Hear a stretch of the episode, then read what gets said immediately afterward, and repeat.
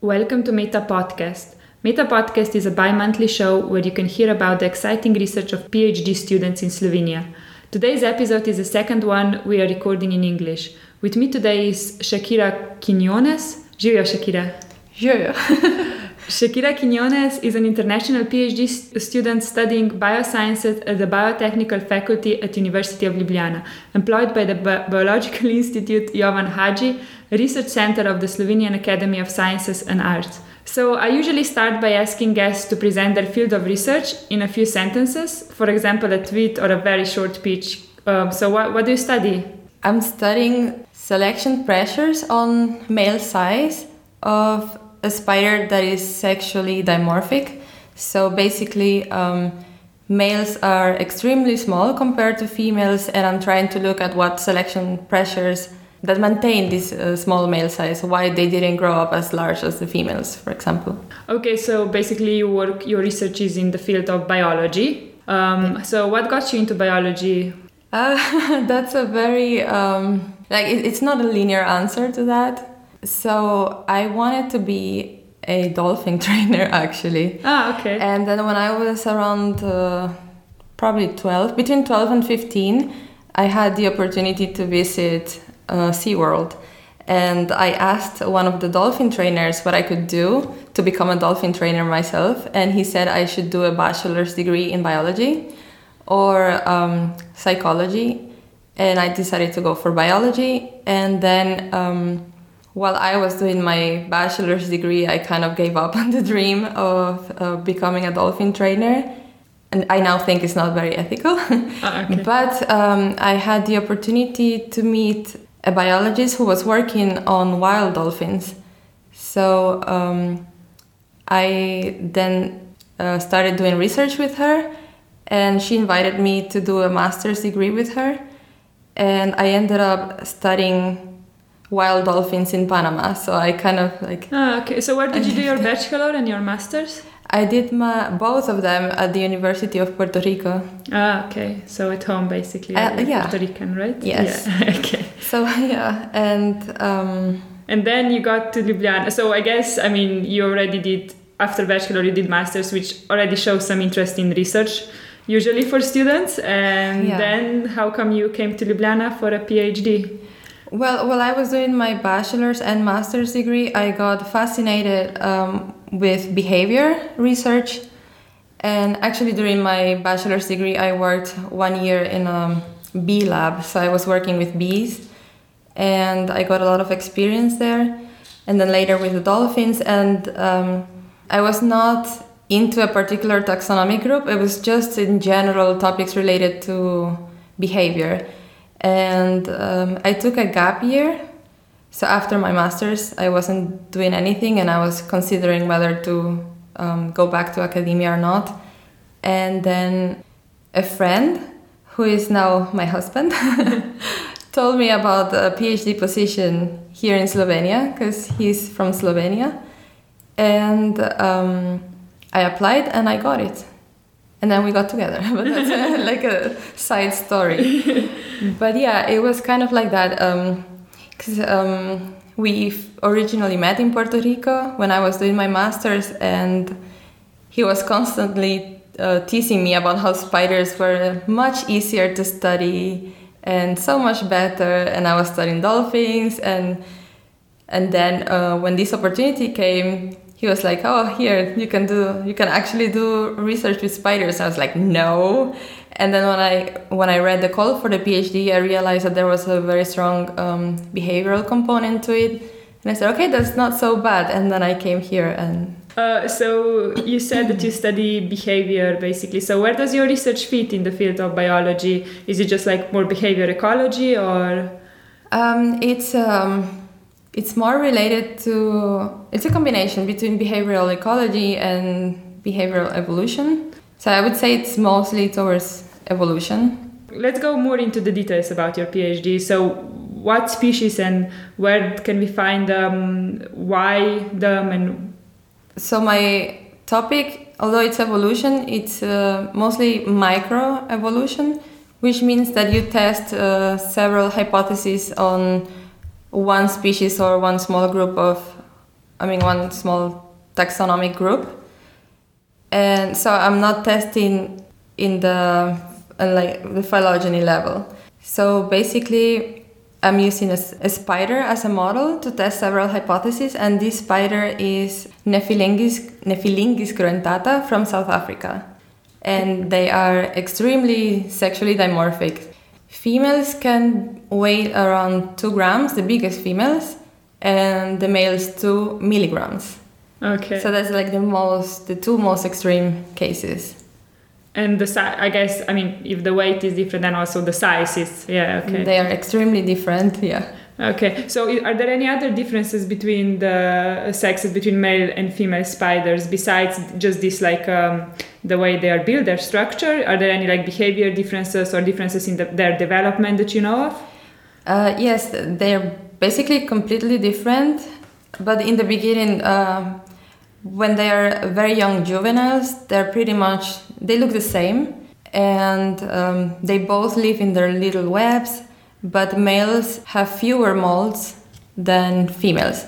So basically, um, all arthropods grow in steps, and after each in each step they they molt, they shed their exoskeleton. So um, males go through fewer molts, and therefore they um, they mature at a very small size and after they mature they become wanderers so they're no longer investing into foraging. So they don't make webs anymore. They just wander around looking for females while the females just continue to grow at a very large sizes and continue to invest in, in foraging behavior. And then once males arrive to a female then they have to court the female and also fight rival males so uh, foraging means that they basically the male once they grow to a specific um, size, they just don't care about the food anymore and they just yes. want to reproduce. Yes, exactly. Yeah. okay. Yeah, I used a very scientific term there. Yes, so foraging uh, means to eat. so, yeah, yeah, and search for food. Yes, yeah. exactly. So in, in the case of spiders, they they're a sit and wait kind of predator. So they just make their little webs and they what wait they for eat? the food whatever flies by. Okay. yeah, actually, this species is um, I don't I wouldn't say invasive, but it's uh, it was introduced to Brazil, and there's been two cases where they have found little bats on trapped on their webs.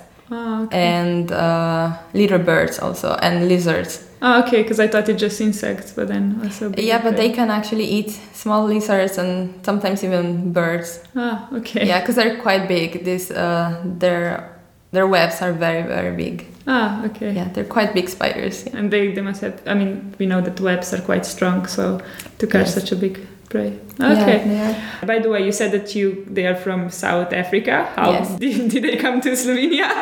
Uh, we went and collected them. Ah, okay. so it was back in 2015. Um, we traveled to South Africa and we collected the spiders there, and then we brought them here alive.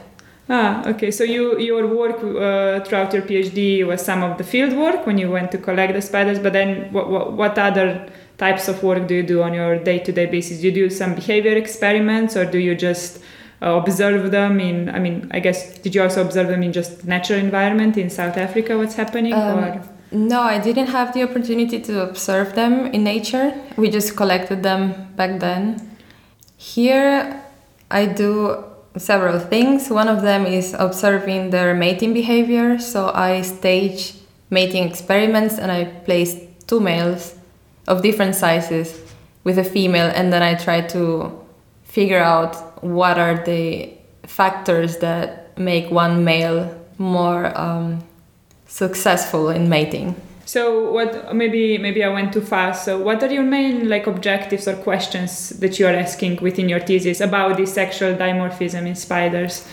Um, so I wanted to test some natural and sexual selection pressures, and there's a few of them and like one of them would be for example that maybe um, smaller males have an advantage in a mating context and then that's how then these um, smaller male sizes are maintained so maybe smaller males for whatever reason one could be they're less likely to be cannibalized by the female because the female um, doesn't really notice him that would be an option. Or maybe not because she doesn't notice him, but because he is not worth as a prey item because they're so small. And um, another reason could be then smaller males could have a locomotory advantage. So there was this hypothesis that um, maybe smaller males are actually faster at um, climbing and bridging. So um, once they once they mature, then they can reach females faster, and then they have an advantage in in scramble competition, which means like they just reach uh, females faster than other males. And then um, another hypothesis was that actually um, smaller males mature earlier and through whatever mechanism and therefore they also have an advantage in reaching uh, females easier Hmm. Okay. so i have um, developmental stuff so that's um, related to like when when do males mature So is that like are, are males younger than I mean younger like in in terms of time? Are they uh, do they need less time to get to the sexual maturity than females? yes they do Yeah. And what's the difference? Do you know or? Um, it depends on the species.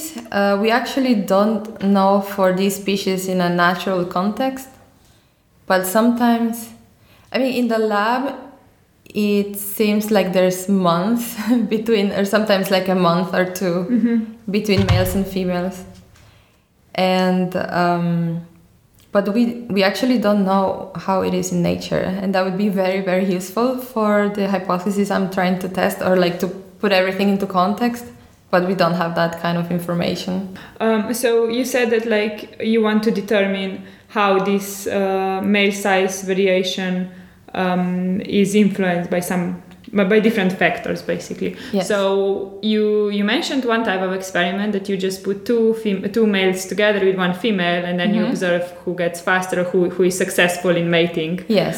Um, and do you have any like um, findings from this experiment already or No, no? Okay. not yet. Like I'm still in the middle of data collection, but um, one of my hypotheses was that the males from of different sizes employ different mating strategies, and I was hoping to see that. Um, but so far, all the males have basically the same strategy. That is, they just sit and wait for an opportunity when the female is distracted. So it, they just wait for some kind of disturbance and they sneak in to mate with a female, Ah. regardless of their size. And um, I had this um, idea because another um, another study in another species that is related to this one found that there were differences in in mating strategies according to the size of the males. But in that species, the males, the, the larger males, are not that small. So they are, um, how to explain? Like they're big enough for the female to um, to perceive them, Yeah. and then the really small ones are really small and they can really sneak in. And then my spiders, they're all so much smaller than the females, then they all sneak in. Ah, okay. So, any other ideas why why why this would be uh, this why there would exist this male size variation? Is there a big variation in male sizes or a small one? Are they quite? It's a really big variation. Okay. So that's one of the um, most most important things about my thesis. So males are very um, like vary uh, greatly in size. So we have the smaller, the smallest males are around two milligrams, and the larger largest males are around sixteen milligrams. Ah, okay. It's Uh, but still, they're very small compared to the females. Ah.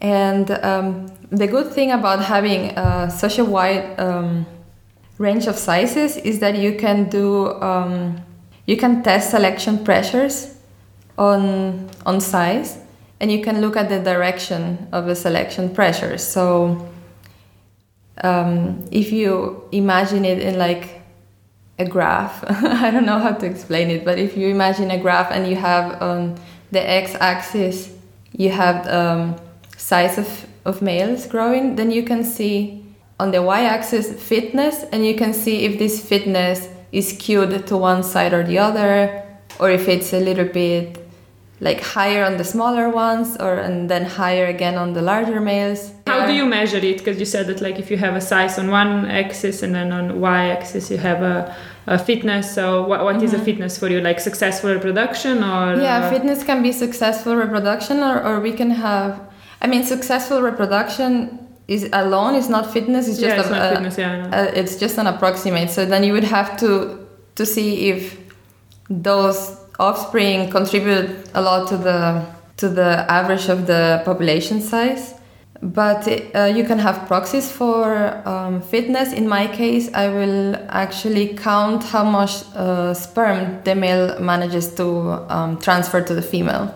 I didn't mention it before but it, maybe this is a great opportunity to say that that um, this uh, so spiders the way they reproduce is that males they charge their pedipalps. So, um, so they have uh, these uh, reproductive structures in the front of their, how to say, let's just say in front of their faces. Yeah. They have these reproductive um, organs, and then they're charged with sperm, and then they introduce the sperm to the female. But my species specifically, and very few other species, they break off this palp, and then this palp continues to transfer sperm to the female. And then the male becomes a eunuch. So then they only can mate with one or two females in their lives. So then they have what it's called um, terminal reproductive investment. So they should really be interested in doing the best they can to mate with the female and then to also survive because once they become eunuchs then they can fight other males and they're actually better at fighting males once they have like once they take their genitals off.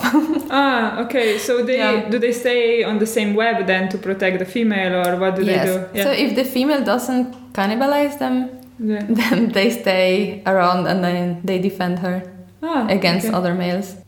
So I, I have one more question that, that's a bit about your research, but not as much. So we actually met through my supervisor from Durham University, who follows Women in Academia Support Network on Facebook group. Yeah. And then she saw your post that you're interested in something that I study, and then she said, "Oh, you two should meet because you're both in Ljubljana." So. I saw you're quite active on this uh, social media uh, world. Like also, then I started following you on Twitter, and you're very active in like science Twitter sphere. Yeah. And I, am curious, just what is your approach to science communication? I mean, do you think it's important for scientists to do it, or how come that you do it, and why? And I think it, in a way it is important for scientists uh, to communicate their science with the public, especially because we're mostly um, public funded. So in general, like the general idea of science communication is important. I don't know how much. Um, the scientists have to be responsible for their own um, science communication or if it's but at least they should communicate with the public at least through a science communicator. But i started using social media as a way to basically connect with other people and rant about the phd life and just talk about like look how cool are these spiders. And it was just an outlet for expression. And because i guess we all need some kind of um, creative hobby or expression or something to take our minds out of um, academy. Okay we're gonna go now to the last part of uh, this podcast where we usually um, ask uh, five questions that are the same for everyone. So, can you recall a funny anecdote that happened with you and your supervisor, or maybe an unusual funny anecdote that happened during your research work for your PhD? I do have one, but it's a little bit disgusting. no, it's fine. I, I was trying to think how to explain this because uh, when we went to South Africa, um, so uh, you know we we stayed in a town, but we do field work uh, a bit more remotely. And one day I woke up and I found very oil like oil discharge and I was like, "What is this?" And then I thought I was getting sick, so I had to tell the others, like, "I, I don't feel sick. I feel fine, but just so you know, this is happening, and we might have to run from the field or something."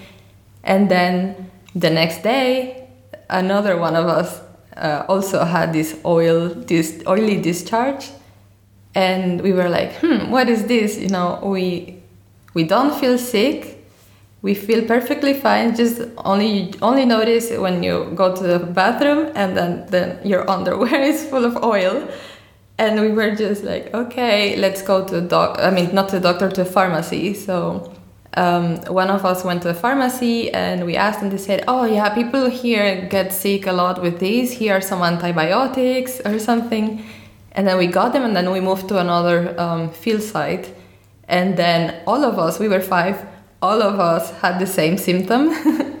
okay. And then it lasted for like about a week. And we all joked about it, you know, because we were all five of us going through this, but we were we felt fine. And like months later, I decided to look it up and I figured out that the reason for this was because we were eating a fish uh, that was very oily and is called a butterfish because oh. of the amount of oil yeah. it has. And in this place in St. Lucia, that's one of the main dish- dishes. So we were eating this almost every day, and the recommended um, portion was much smaller than what we had. And yeah. So then this guy just like told us lies to sell the, to sell so, us antibiotics, but yeah. But okay, lesson learned. yes, exactly. Um, so, yeah, the butterfish. Butterfish. Uh, how did your expectations change from the enrollment into the PhD program? Would you enroll again? That's a tough one. I think uh, because I came from a more um, American style of academia, um, I expected much more training, maybe in general, like in the PhD. Uh, would you enroll again? That's a tricky question, but I would say yes yeah, because yeah. I, like all the insight and all the experience that you got, it's something that still made you a better person and a better scientist through it all. So then, yeah, sure. uh, what do you think you will do in five years' time and in 40 years? So, in five years, I hope to be settled in Slovenia, and I hope to to have gone through a postdoc or two and maybe would be doing a third one or something like i hope to continue to be a scientist but um, overall i just hope that i spend more time doing things that i enjoy and not focus so much on like putting my um, my identity into like my academic career but just maybe just doing other things that i like Okay, and also then you still want to be scientist, I guess, in forty years' time. Well, in 40 years, I hope to be retired. Oh, yeah, okay, yeah. so, like, in 40 years, I would be 72. so, I would, ho- I just hope to be alive and if alive, also healthy.